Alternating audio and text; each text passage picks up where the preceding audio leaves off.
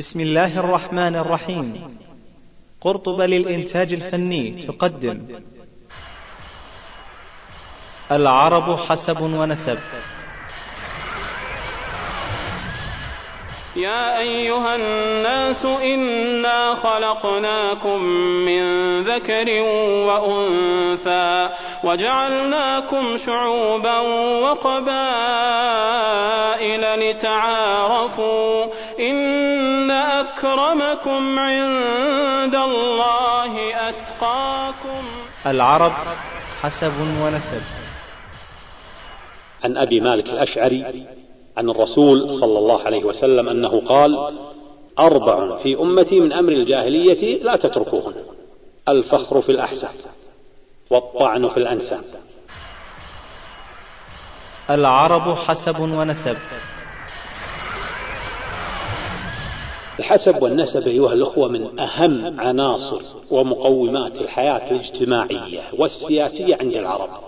السيادة والرئاسة والزعامة والجاه والنفوذ والمصاهرة وغيرها من أمور تتعلق بحياتهم ومعيشتهم كلها مرتبطة بالحسب والنسب. ولذلك استمعوا إلى الشاعر المتلمس عندما قال يقول ومن كان ذا نسب كريم ولم يكن له حسب كان اللئيم المذمم. وفي سبيل الحسب وعناصره ربما تدور بينهم منازعات خطيرة قد تتطور إلى حروب طاحنة كما حدث مثلا في حرب داحس والغبراء وحرب البسوس ومعركة ذيقار الشهيرة. هذه كلها راح نفصل لكم إن شاء الله فيها. إعداد وتقديم الدكتور أحمد بن يوسف الدعيج ونستمع في الشريط السادس إلى قبائل قريش الأحلاف وبني عامر بن لؤي وقصة أبي بكر الصديق رضي الله عنه مع دغفل فمع المادة. بسم الله والحمد لله والصلاة والسلام على رسول الله. وبعد. نرحب بكم أيها الأخوة في هذا الجمع الطيب المبارك وسوف نتكلم بإذن الله في هذه الأمسية أو نكمل الكلام عن أنساب قريش. في المرة الماضية كما تعرفون تكلمنا عن شيء من أنساب قريش وسوف نكمل الآن الكلام إن شاء الله عن أنساب قريش الأباطح. قلنا أن قريش هم قريش الأباطح وقريش الظواهر وتكلمنا عن قريش الأباطح بعض من قريش الأباطح. فتكلمنا عن بني عبد مناف ابن قصي بن كلاب وقلنا أنهم هم بنو هاشم وبنو عبد شمس وبنو المطلب وبنو نوفل. بنو عبد مناف بن قصي بن كلاب هم بنو هاشم ابن عبد مناف وبنو عبد شمس. بن عبد مناف وبنو المطلب بن عبد مناف وبنو نوفل بن عبد مناف. ثم تكلمنا عن بني عبد العزى بن قصي بن كلاب وتكلمنا عن بني عبد الدار بن قصي بن كلاب وتكلمنا عن بني زهرة بن كلاب ثم تكلمنا عن بني تيم ابن مرة البطن الخامس من قريش الأباطح. وربما يكون الشيء اللافت للنظر حقيقة عند الكلام عن بني عبد الدار بن قصي بن كلاب الذين عندهم لهم دار الندوة واللواء يحملون اللواء ودار الندوة وحجابة البيت فيفتخرون جدا عندهم اللواء لواء الحرب في الحروب. ولذلك انظروا إلى هؤلاء المشركين انظروا إلى مشركيهم وإلى مسلمهم الصحابي الجليل مصعب بن عمير بني عبد الدار. في أحد فقط. انظروا إلى الحسب والنسب. الحسب والنسب أيها الإخوة لا علاقة لهما في, في الإسلام أو في العقيدة. هذه الحرب وإن كانت في الإسلام الجاهلية لم لم يقضى عليها. فانظروا إلى الجهل منهم الجاهليين منهم. في أحد طلحة بن أبي طلحة حمل اللواء فقتل. فأخذه أخوه عثمان بن أبي طلحة وقتل في أحد وهو يحمل اللواء. فيقوم أخوه أسيد بن أبي طلحة ويحمل اللواء ويقتل. هذا كله في أحد. ثم يقوم مسافع بن طلحة بن أبي طلحة ويحمل اللواء لواء المشركين ويقتل. ثم أخوه الحلاس بن طلحة بن أبي طلحة يحمل اللواء ما يفرون ويقتل لواء المشركين. ثم يقوم كلاب بن طلحة بن أبي طلحة ويحمل اللواء ويكون له نفس المصير. ثم يقوم أخوهم الحارث بن طلحة بن أبي طلحة ويحمل اللواء وأيضا يقتل وهو حامل للواء. ثم انظروا إلى الصحابي الجليل ابن عمه من بني عبد الدار. مصعب بن عمير يحمل لواء المسلمين في أحد أيضا.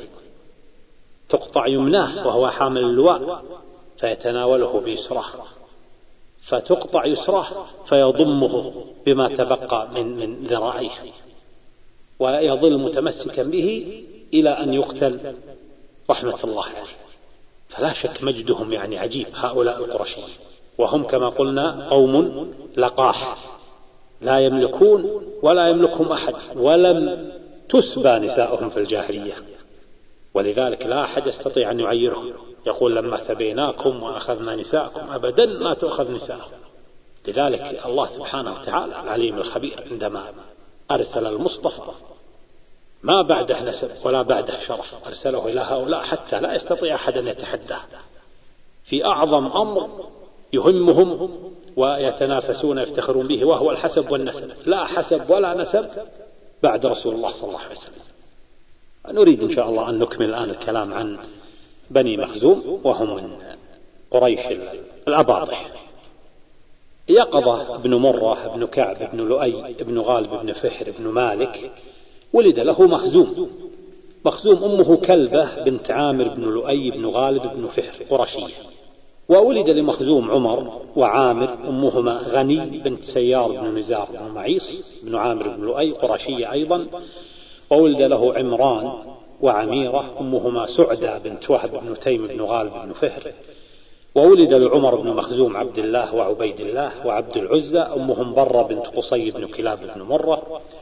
وولد لعبد الله بن عمر بن مخزوم المغيرة وعثمان وعائذ وخالد وأبو جندب وهو أسد. أبو جندب اسمه أسد أبو جندب هذا. وقيس أمهم ريطة بنت عمرو ابن كعب بن سعد بن تيم بن مرة. وولد له أيضا هلال أمه برة بنت ساعد بن مشنق ابن عبد ابن حبتر الخزاعي. وولد المغيرة بن عبد الله هاشم وهشام وأبو حذيفة وهو مهشم وأبو ربيعة وهو عمرو وأبو أمية وهو حذيفة أبو أمية هذا يلقب بزاد الركب أو الراكب لكرمه كريم وهو والد أم المؤمنين هند بنت أبي أمية أم سلمة المخزومية رضي الله عنها توفيت في السنة الثانية والستين من الهجرة ودفنت بالبقيع وولد للمغيرة ابن عبد الله أيضا خداش وزهير وأبو زهير وهو تميم.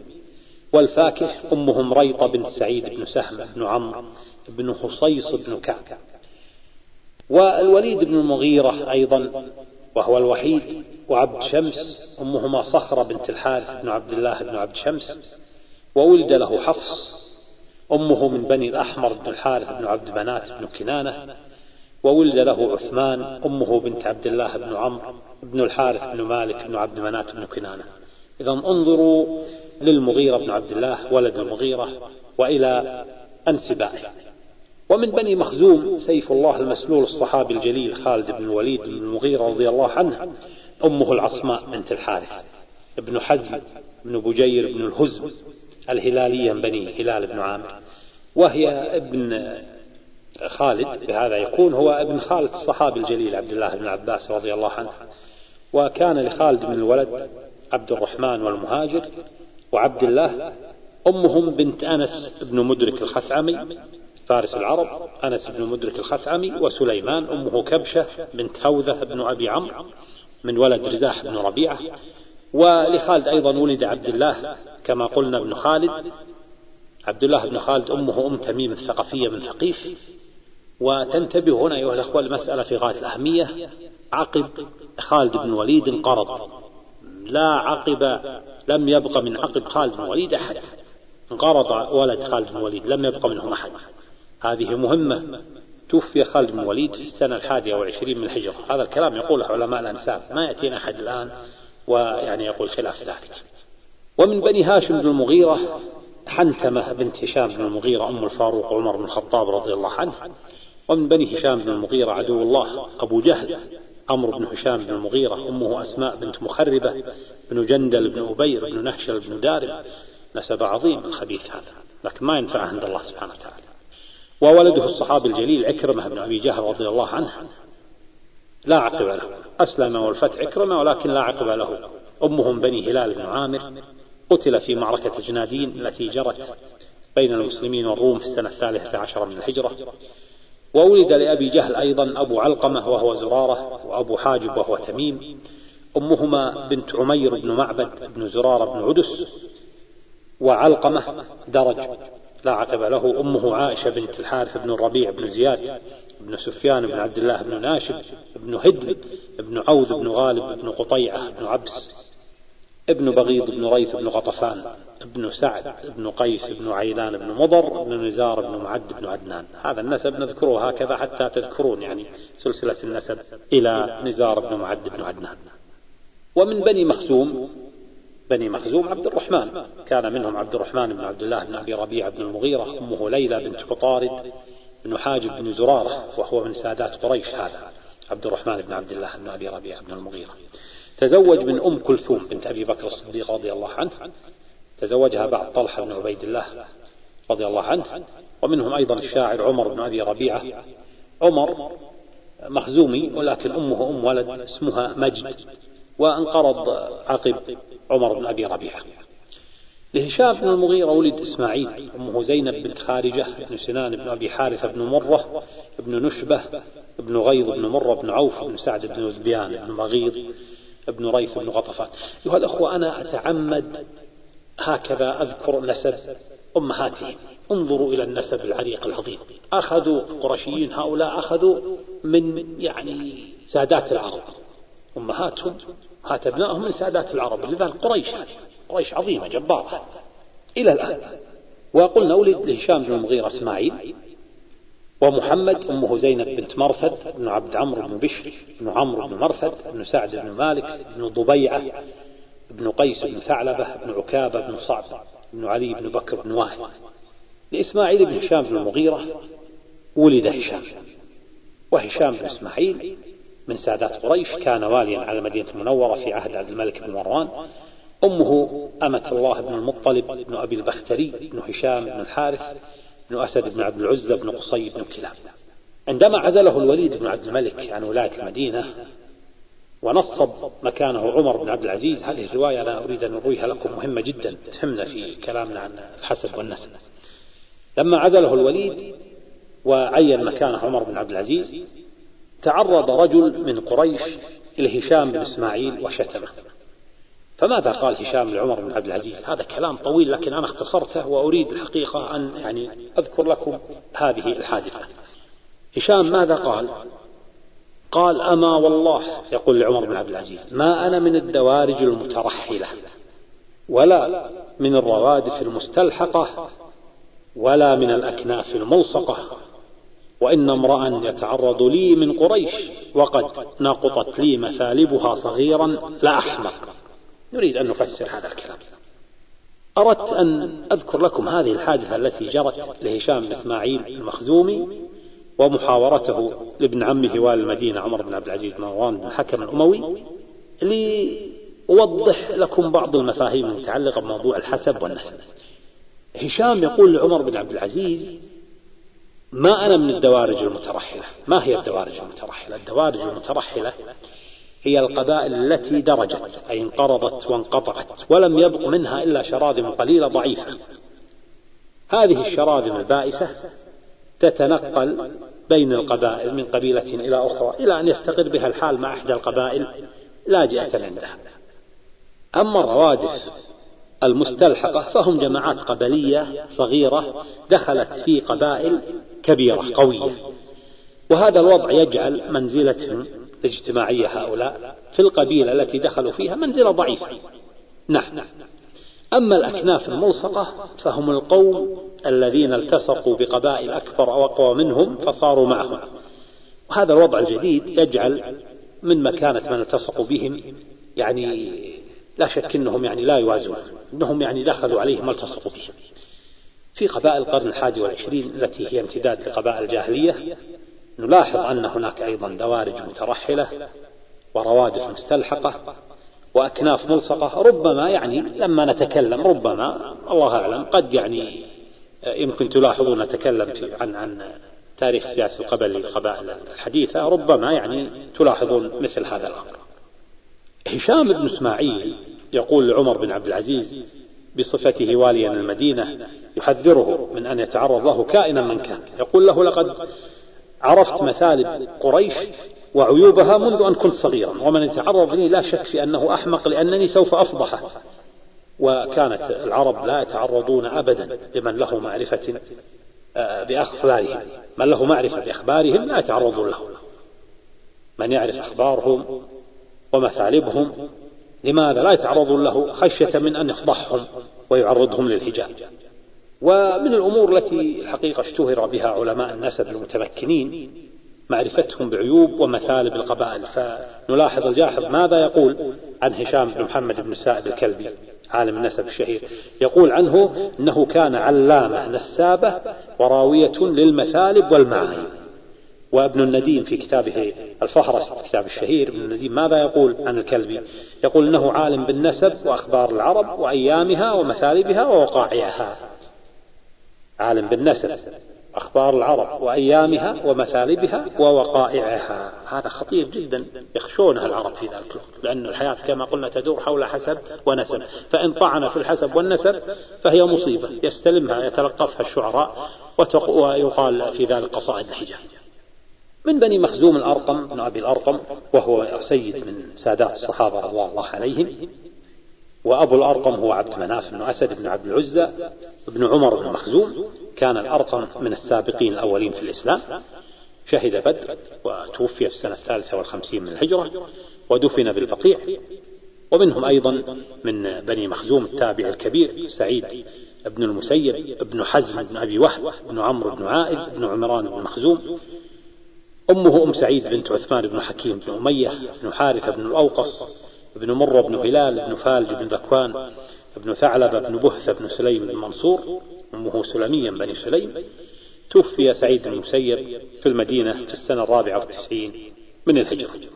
نتكلم الآن عن البطن السابع من قريش الأباطح بطونهم بنو عدي بن كعب بن لؤي بن غالب بن فهر ولد لعدي بن كعب رزاح وعويد أمهما من قبيلة فهم وولد لرزاح قرط أمه حبيبة بنت وائل بن عمرو بن شيبان بن محارب بن فهر وولد لقرط بن رزاح عبد الله أمه ليلى بنت سليم بن بوي بن ملكان بن أفصى الخزاعي وولد لعبد الله بن قرط رياح وتميم تميم اسمه عبد الله وصداد صداد أمهم خناس بنت الأخثم بن عمرو بن خالد بن أمية بن ضرب بن الحارث بن فهر وولد لرياح بن عبد الله عبد العزة أمه عاتكة بنت عبد مناف بن كعب بن سعد بن تيم بن مرة وولد لعبد العزة بن رياح نفيل أمه أميمة بنت ود بن عدي بن ذبيان بن مالك بن سلامان بن سعد بن زيد القضاعي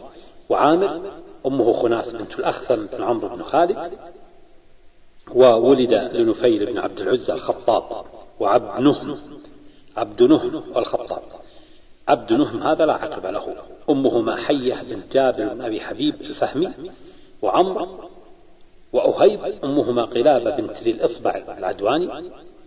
وولد الخطاب بن نفيل بن عبد العزة بن رياح بن عبد الله بن قرط بن رزاح بن عدي بن كعب بن لؤي بن غالب بن فهر.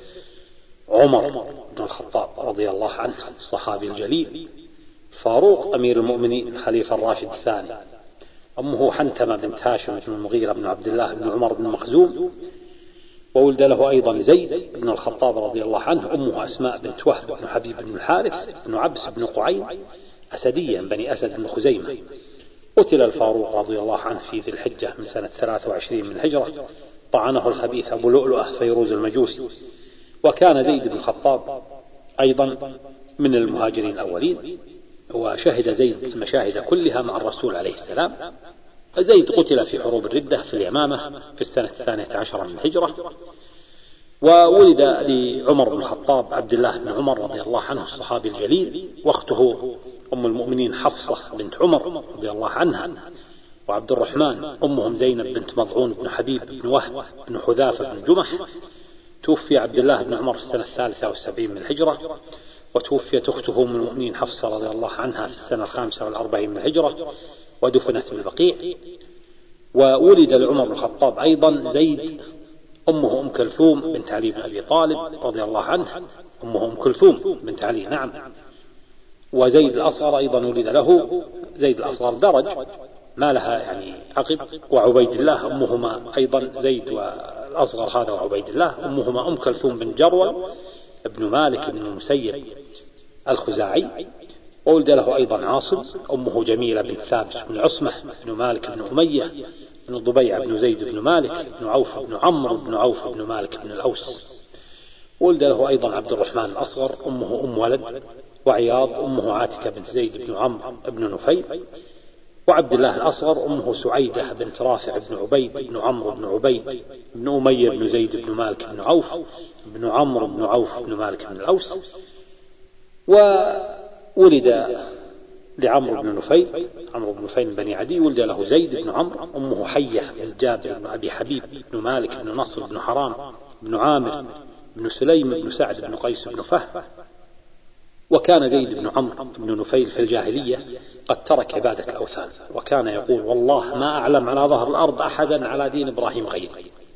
وابنه معروف ابنه الصحابي الجليل سعيد بن زيد رضي الله عنه أمه فاطمة بنت بعجة بن أمية بن خويلد بن خالد بن اليعمر الخزاعي توفي سعيد بن زيد في سنة خمسين من الهجرة ومن بني عويج بن عدي بن كعب الصحابي الجليل أبو جهم بن حذيفة بن غانم بن عامر بن عبد الله بن عبيد بن عويد كان من سادات قريش رضي الله عنه وكان من المعمرين وولد لأبي الجهم بن حذيفة عبد الله الأكبر قتل في معركة أجنادين التي جرت في السنة الثالثة عشر من الهجرة. أمه أم كلثوم بن جرول بن مالك بن المسيب بن ربيعة بن أصرم بن حبيش بن حرام بن حبشية الخزاعي. ولد له أيضا محمد قتل يوم الحرة في السنة التي جرت في السنة الثالثة والستين من الهجرة. أمه خولة بنت القعقاع خولة بنت القعقاع بن معبد بن زرار التميمي وحميد أمه أميمة بنت الجنيد بن كنانة بن قيس بن زهير بن يزيم العبسي. انظروا يا الأخوة هذا النسب انظروا إلى أنساب أمهاتهم القرشيين هؤلاء. ما بعدها نسب ما بعد هذه أنساب؟ شيخات القبائل بنات أمراء القبائل والشيوخ. وولد له أيضا عبد الله الأصغر وسليمان أمهما أم عبد الله اسمها زجاجة بنت الحارث بن الحر. زجاجة اسم غريب زجاجة بنت الحارث بن الحر بن النعمان بن أخيذة الغساني ولد له أيضا زكريا أمه أم ولد وعبد الرحمن أمه أم ولد وصخر وصخير أمهما أيضا أم ولد. آه، من بني عدي آه، خارج بن حذافة بن غانم بن عامر بن عبد الله بن عبيد بن عويد أمه فاطمة بنت عمرو بن بجرة بن خلف بن صداد. كان يعدل بألف رجل وكان على شرطة عمرو بن العاص رضي الله عنه. لما كان واليا على على مصر وهو الذي قتله الخارجي مولى بني عمرو بن تميم فقال عمرو للخارجي أردت عمرا وأراد الله خارجه. ومن بني عدي بن كعب الأسود بن حارثة بن نضلة بن عوف بن عبيد بن عويج بن عدي بن كعب. وهو الذي لعق في الجاهلية لما اختلفت قريش فيما بينها وذلك أنه بعد وفاة قصي بن كلاب وبسبب ما أعطاه قصي لابنه عبد الدار من أمور السقاية والحجابة والرفادة واللواء ودار الندوة وبسبب قلة عدد بني عبد الدار أراد بنو عبد مناف انتزاع آه، حجابة بيت الحرام منهم وبسبب ذلك انقسمت قريش فيما بينها إلى قسمين. من وقف مع بني عبد مناف سموا بالمطيبين لأنهم أدخلوا أيديهم في جفنة الطيب التي وضعتها لهم أم حكيم. أم حكيم هي البيضاء بنت عبد المطلب بن هاشم بن عبد مناف وتحالفوا ثم قاموا ومسحوا ما على أيديهم من طيب بأستار الكعبة هؤلاء المطيبين. وهم بنو عبد مناف وبنو أسد بن عبد العزى وبنو زهرة وبنو تيم وبنو الحارث بن فهر أما بنو عامر بن لؤي فإنهم وقفوا على الحياد. بنو سهم بن عمرو ماذا صنعوا؟ قاموا بذبح جزور. وقالوا من كان منا فليدخل يده في هذه الجزور. فأدخلت أيديها بنو عبد الدار وبنو سهم وبنو جمح وبنو مخزوم وبنو عدي. وتحالفوا عند الكعبة فسموا بالأحلاف. وقام الأسود بن حارثة فأدخل يده في الدم ثم لعقها فلعقت بنو عدي بأيديها. أدخل يده في الدم ثم لعقها فقام بنو عدي ولعقوا بأيديهم فسموا لعقة الدم. وكادت الحرب طبعا أن تنشب بينهم بين القرشيين ولكنهم ركنوا إلى الصلح وفاز بنو عبد مناف بالرفادة والسقاية وبقيت الحجابة حجابة البيت بيت الحرام ودار الندوة واللواء بقيت لبني عبد الدار ومن بني عدي عبد الله بن مطيع بن الأسود بن حارثة بن نضل بن عوف وهو من سادات قريش في الإسلام أمه أميمة بنت أبي الخيار بن أبي عمر بن عامر بن عوف بن كعب بن عامر بن ليث فهؤلاء بنو عدي بنو عدي بن كعب نعم قرشي الآن نريد أن نتكلم عن بني جمح. ولد لهصيص بن كعب بن لؤي بن غالب بن فهر عمرو بن هصيص. أمه قسامة بنت كهف الظلم. وولد لعمرو بن هصيص جمح واسمه تيم. وسهم أمهما الألوف بنت عدي بن كعب. وولد لجمح بن عمرو حذافة وحذيفة أمهما بنت بوي بن ملكان بن أفصى الخزاعي. وولد له سعد بن جمح. وولد لحذافة بن جمح وهب وأخيب ووهبان أمه قتيلة بنت ذئب بن جذيمة بن عوف بن نصر. وولد لوهب بن حذافة خلف وحبيب ووهبان. أمهم لبنى بنت عبد ابن عامر بن الأبرص ابن سيار بن نزار بن نعيص ابن عامر. سيار بن نزار بن معيص ابن عامر. وولد لخلف بن وهب عمرو وعامر وهرم. أمهم لبنى بنت عبد بن أسد بن جحدم بن أمية بن ضرب بن الحارث بن فحر.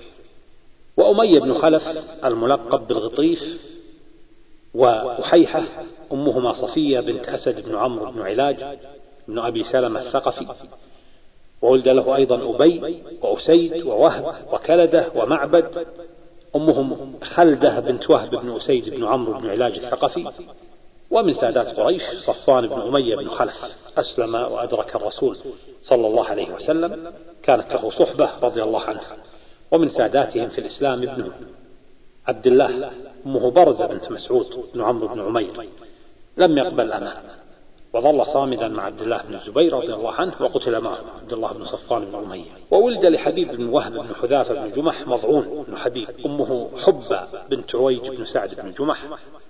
ومعمر بن حبيب أمه خبية بنت أبي مهمهة ابن عبد العزى بن عامرة ابن عميرة ابن وديعة بن الحارث بن فهر وولد لمضعون لمضعون ليس مضعون ليست بالضاد إنما بالضاء.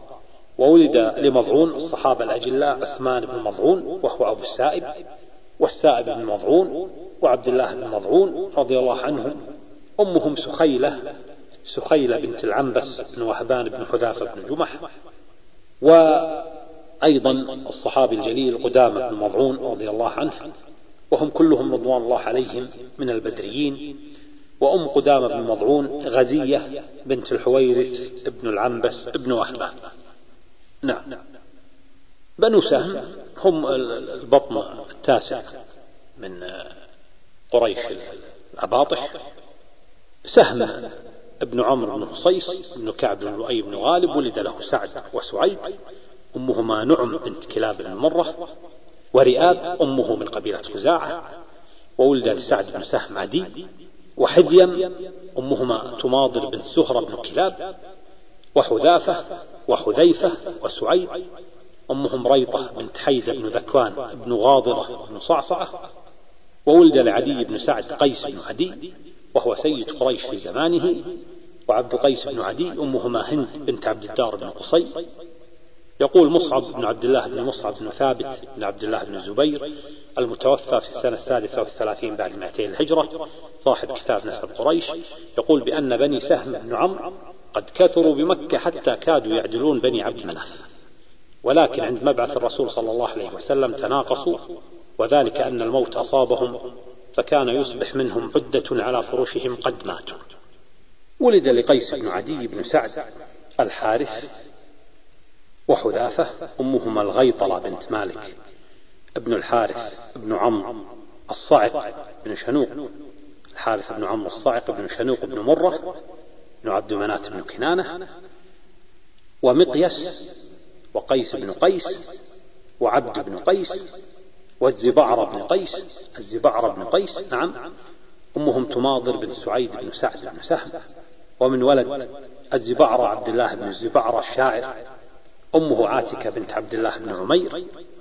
ابن أهيب بن حذافة بن جمح ومنهم الصحابي الجليل عبد الله بن حذافة بن قيس بن عدي رضي الله عنه أمه بنت حرثان من بني الحارث بن عبد منات بن كنانة ومنهم نبيه ومنبه ابن الحجاج بن عامر بن حذيفة بن سعد بن سهم قتلا ببدر وهما على الكفر وهما من سادات قريش أمهما أروى بنت عميلة بن السباق بن عبد الدار ومنهم العاص بن منبه بن الحجاج قتل ببدر كافرا وكان معه ذو الفقار سيف الشهير فأخذه الرسول صلى الله عليه وسلم وأعطاه علي بن أبي طالب رضي الله عنه في أحد.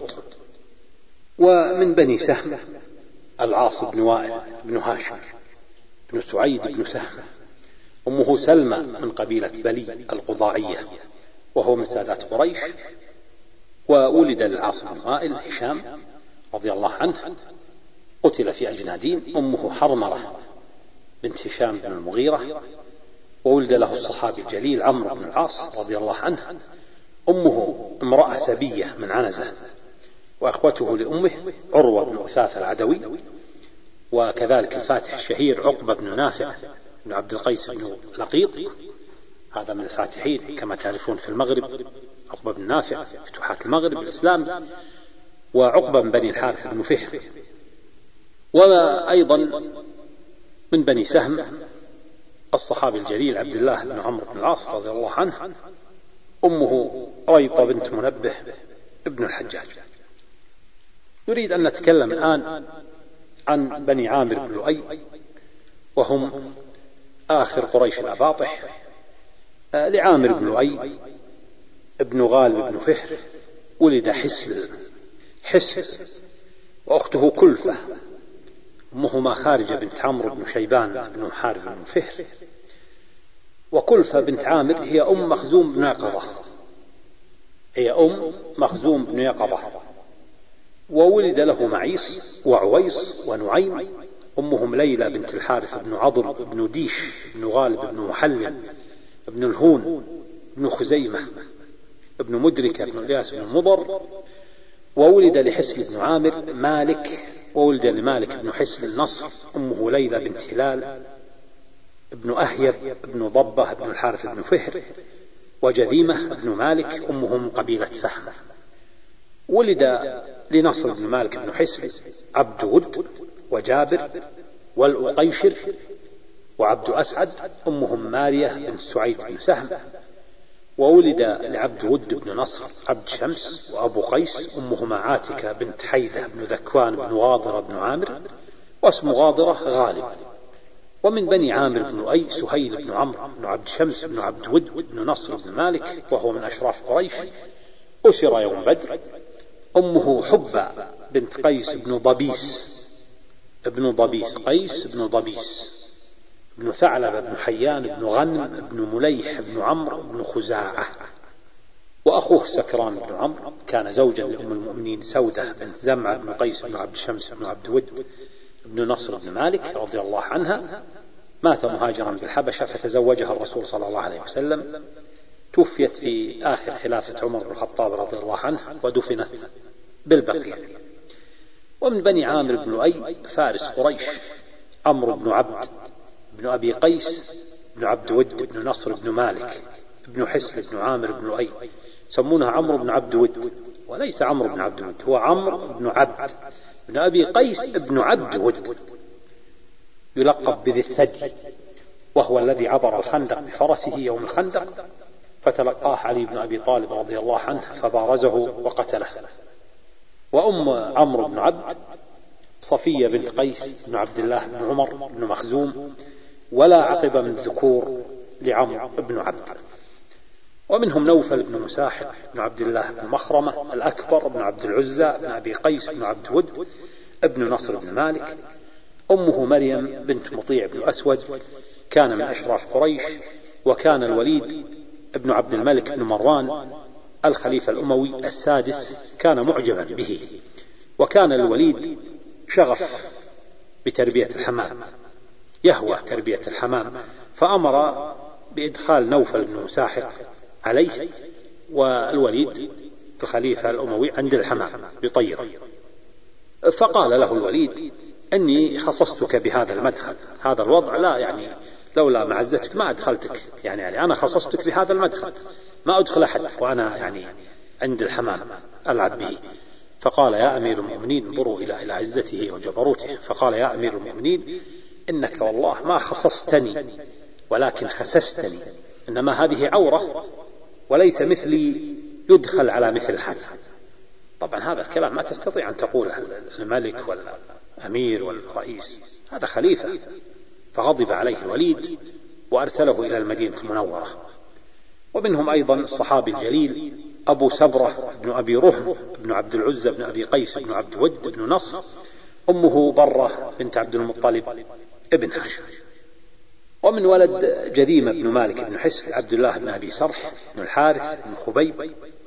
عبد الله بن أبي صرح بن الحارث بن حبيب ابن جذيمة بن مالك بن حسن أخو الصحابي الجليل عثمان بن عفان من الرضاعة وهو عبد الله بن أبي صرح كما تعرفون من القادة الفاتحين. أمه مهانة بن جابر من الأشعريين.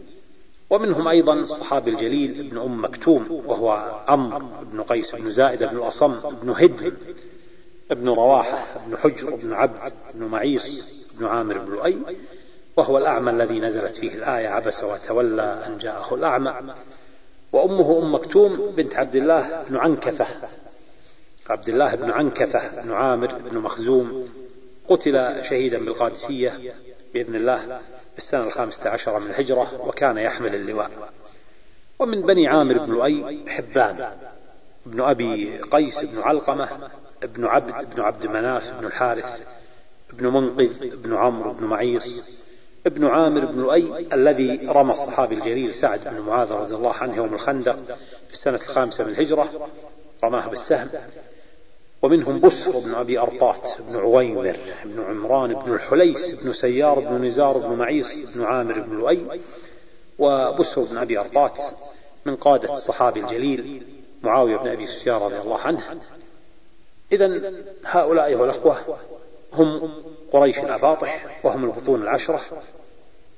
خمسة منهم هم الطيبون والخمسة الآخرون هم الأحلاف أريد أن حقيقة بعد هذا الجفاف خاصة الحلقة هذه لو تلاحظون محاضرة جافة جدا. لكن نحن نتكلم عن قريش. قريش من المهم أن نفصل ونتكلم في أنسابها. هم سادة العرب لا شك في ذلك. فأريد الآن إن شاء الله نذكر هذه الحادثة الطريفة. قال عبد الله بن عباس رضي الله عنه حدثني علي بن أبي طالب رضي الله عنه أن الرسول صلى الله عليه وسلم لما أمره الله سبحانه وتعالى بأن يعرض نفسه على قبائل العرب خرج وأنا معه وأبو بكر. يعني خرج الرسول صلى الله عليه وسلم وعلي وأبي بكر رضوان الله عليهما. يقول فدفعنا إلى مجلس مجالس العرب فتقدم أبو بكر وكان أبو بكر الصديق رضي الله عنه نسابا. فسلم فردوا عليه السلام فقال ممن القوم؟ قالوا من ربيعة. فقال أمن هامتها أم من لهازمها؟ أمن هامتها أم من لهازمها؟ سألهم. قالوا من هامتها العظمى. قال فأي هامتها العظمى أنتم؟ قالوا ذهل الأكبر. قال أفمنكم عوف الذي يقال له لا حر بوادي عوف؟ قالوا لا. قال أفمنكم بسطام ذو اللواء ومنتهى الأحياء؟ قالوا لا. قال أفمنكم جساس بن مرة حامي الذمار ومانع الجار؟ قالوا لا. قال أفمنكم الحوفزان؟ قاتل الملوك وسالبها أنفسها. قالوا لا. قال أفمنكم المزدلف صاحب العمامة الفردة؟ قالوا لا. قال فأنتم أخوال الملوك من كندة قالوا لا. قال فلستم ذهلا الأكبر أنتم ذهل الأصغر قال علي. فقام إليه غلام. قد بقل وجهه. يقال له دغفل. يعني تو طالع الشعر بوجهه. هذا الغلام دغفل جاء إلى إلى سيدنا أبي بكر فقال له إن على سائلنا أن نسأله والعبء لا تعرفه أو تحمله. يا هذا إنك قد سألتنا فلم نكتمك شيئا. فمن أي العرب أنت؟ أنت من أي العرب قال له أبو بكر رضي الله عنه من قريش. قال بخ بخ أهل الشرف والرياسة. فمن أي قريش أنت؟ فمن أي قريش أنت؟ قال من تيم بن مرة. آه. قال دغفل هذا أمكنت والله الرامي من صفاء الثغرة. أفمنكم قصي بن كلاب الذي جمع القبائل من فه وكان يدعى مجمعا؟ قال أبو بكر لا. قال أفمنكم هاشم الذي هشم الثريد لقومه ورجال مكة مسنتون عجاف؟ قال لا. قال أفمنكم شيبة الحمد مطعم طير السماء الذي كأن وجهه قمرا يضيء ليل الظلام الداجي. قال لا. قال أفمن المفيضين بالناس أنت؟ قال لا.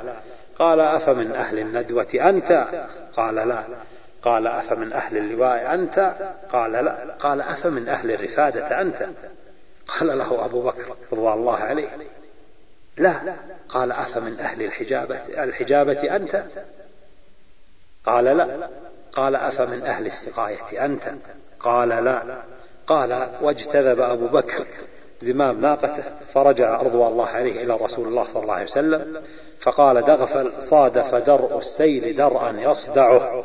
أما والله لو ثبت لأخبرتك أنك من زمعات قريش أو ما أنا بدغفل.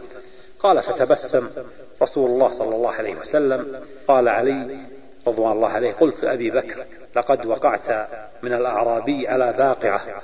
قال أجل إن لكل طامة طامة وإن البلاء موكل بالمنطق.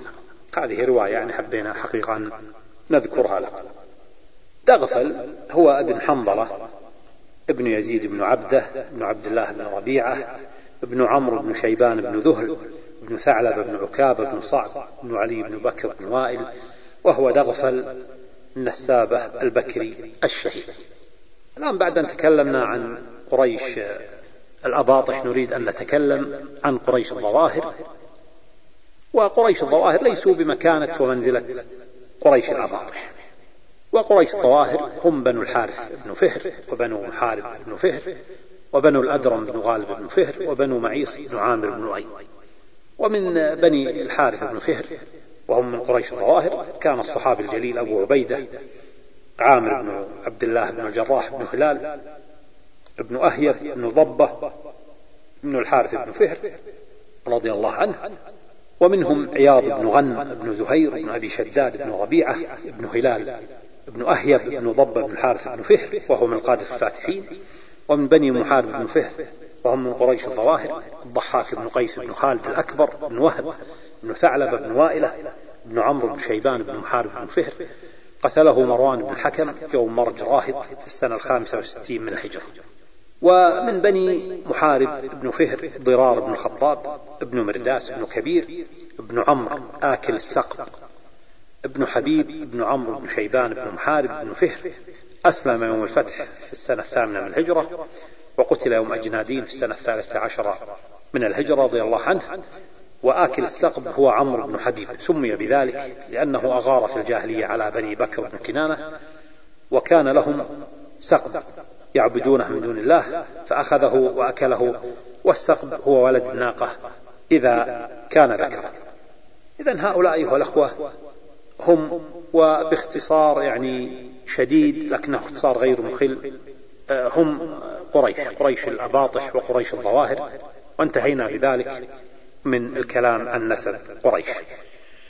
نريد الآن أن نتكلم عن كنانة قبيلة كنانة. نحن قلنا أن كنانة بن خزيمة بن مدركة ولد له العديد من الأولاد فبالإضافة إلى النضر بن كنانة ولد له عبد منات بن كنانة من بني عبد منات بن كنانة بنو بكر بن عبد منات. منهم الصحابي الجليل أبو الطفيل عامر بن واثلة بن عبد الله رضي الله عنه آخر من رأى الرسول صلى الله عليه وسلم توفي في السنة السابعة بعد المئة من الهجرة. ومنهم الصحابي الجليل واثلة بن الأسقع توفي رحمه الله في السنة الثالثة والثمانين بعد الهجرة عن مئة وخمسة أعوام.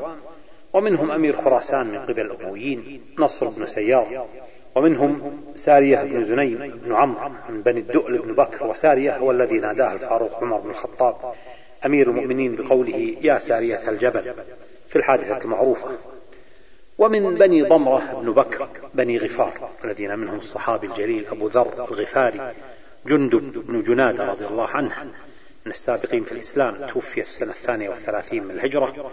ومنهم عزة بن جميل بن حفص التي تغزل بها كثير ومن بني عبد منات بن كنانة بنو مرة بن عبد منات الذين منهم سراقة بن مالك من بني مدلج وبنو مدلج من بني مرة. توفي سراقة في السنة الرابعة والعشرين من الهجرة. ثم هناك بنو الحارث بن عبد منات منهم الحليس بن علقمة بن عمرو بن الأوقح بن عامر بن جذيمة زعيم الأحابيش في معركة أحد. والأحابيش أيها الأخوة عرب كنانيون وليسوا أحباشا كما يظن البعض. والأحابيش سموا بذلك لتحبشهم يعني لتحالفهم واتحادهم وهم جماعات من قبائل مختلفة تحالفوا.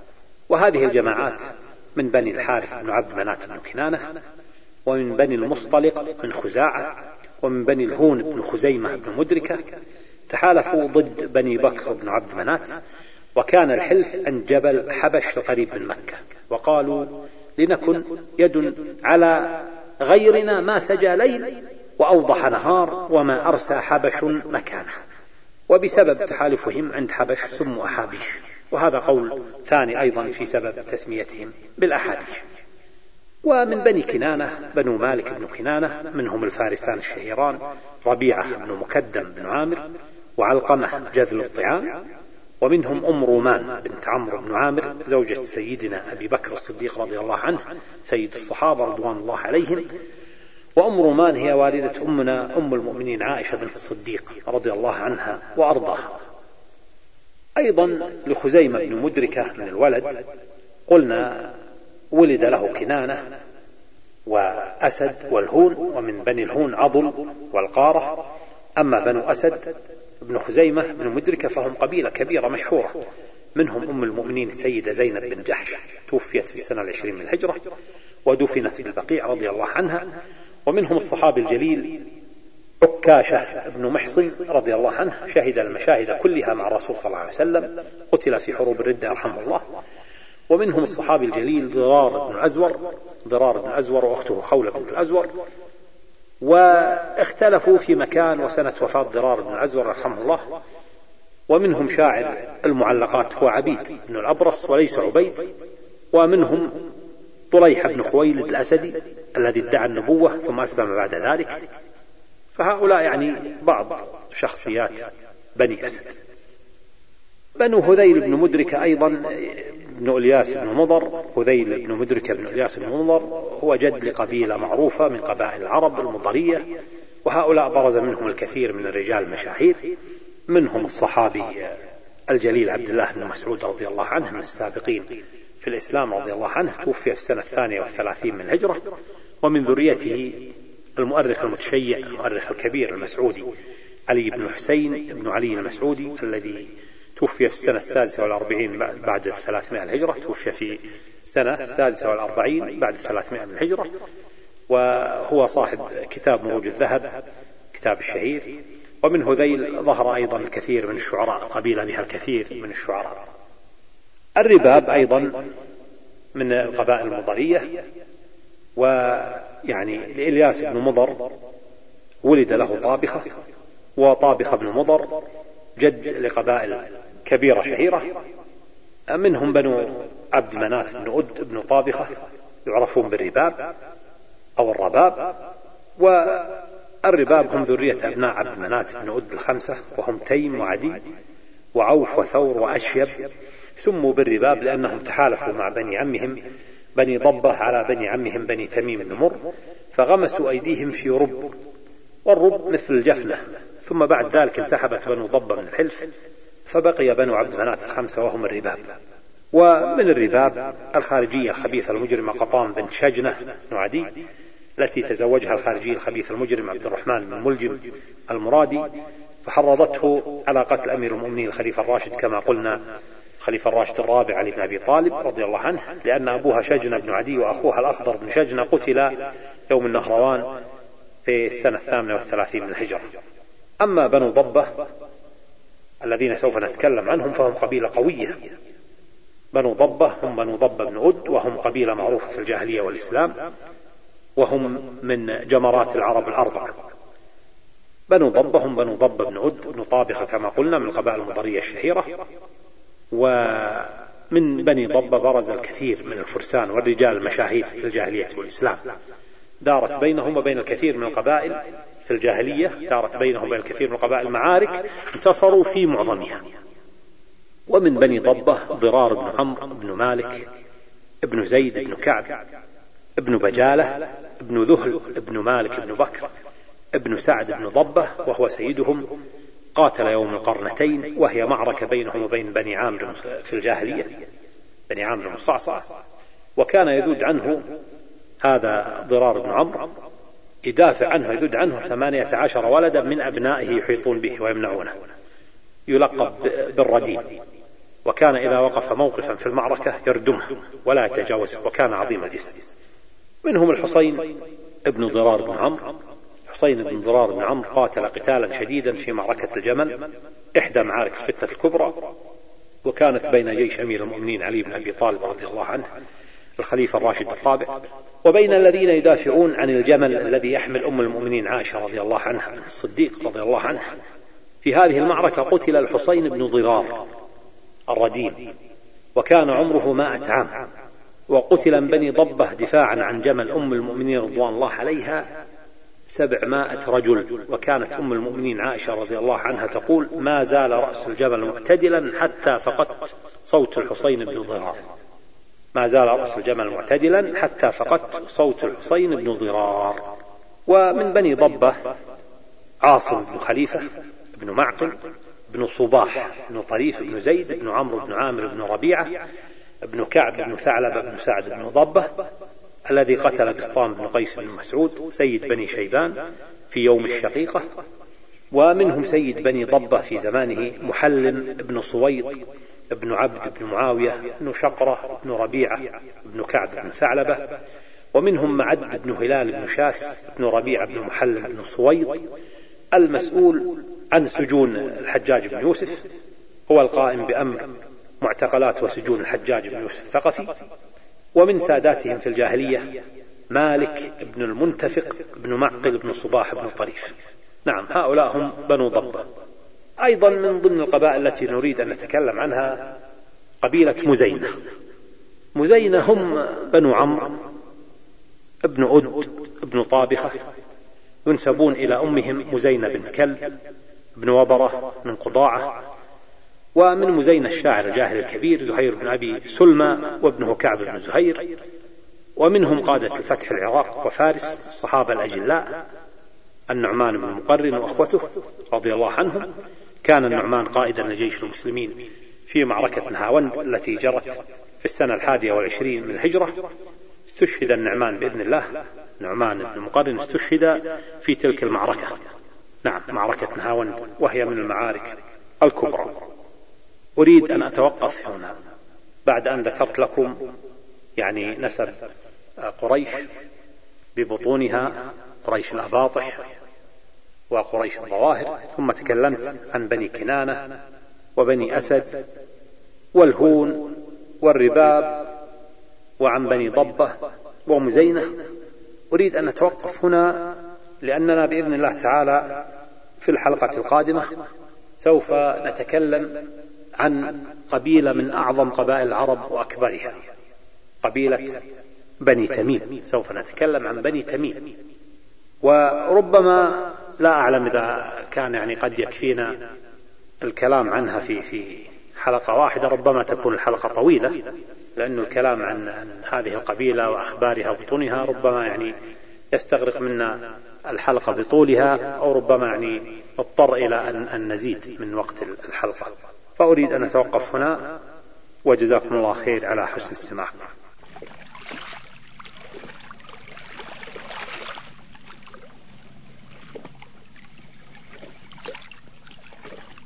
وفي الختام نرجو منكم الاستماع إلى بقية المادة علما أن جميع الحقوق محفوظة. مع تحيات قرطبة للإنتاج الفني. هاتف أربعة سبعة تسعة واحد ثلاثة اثنان ثلاثة. فاكس أربعة سبعة ثلاثة صفر صفر خمسة خمسة. والسلام عليكم ورحمة الله وبركاته.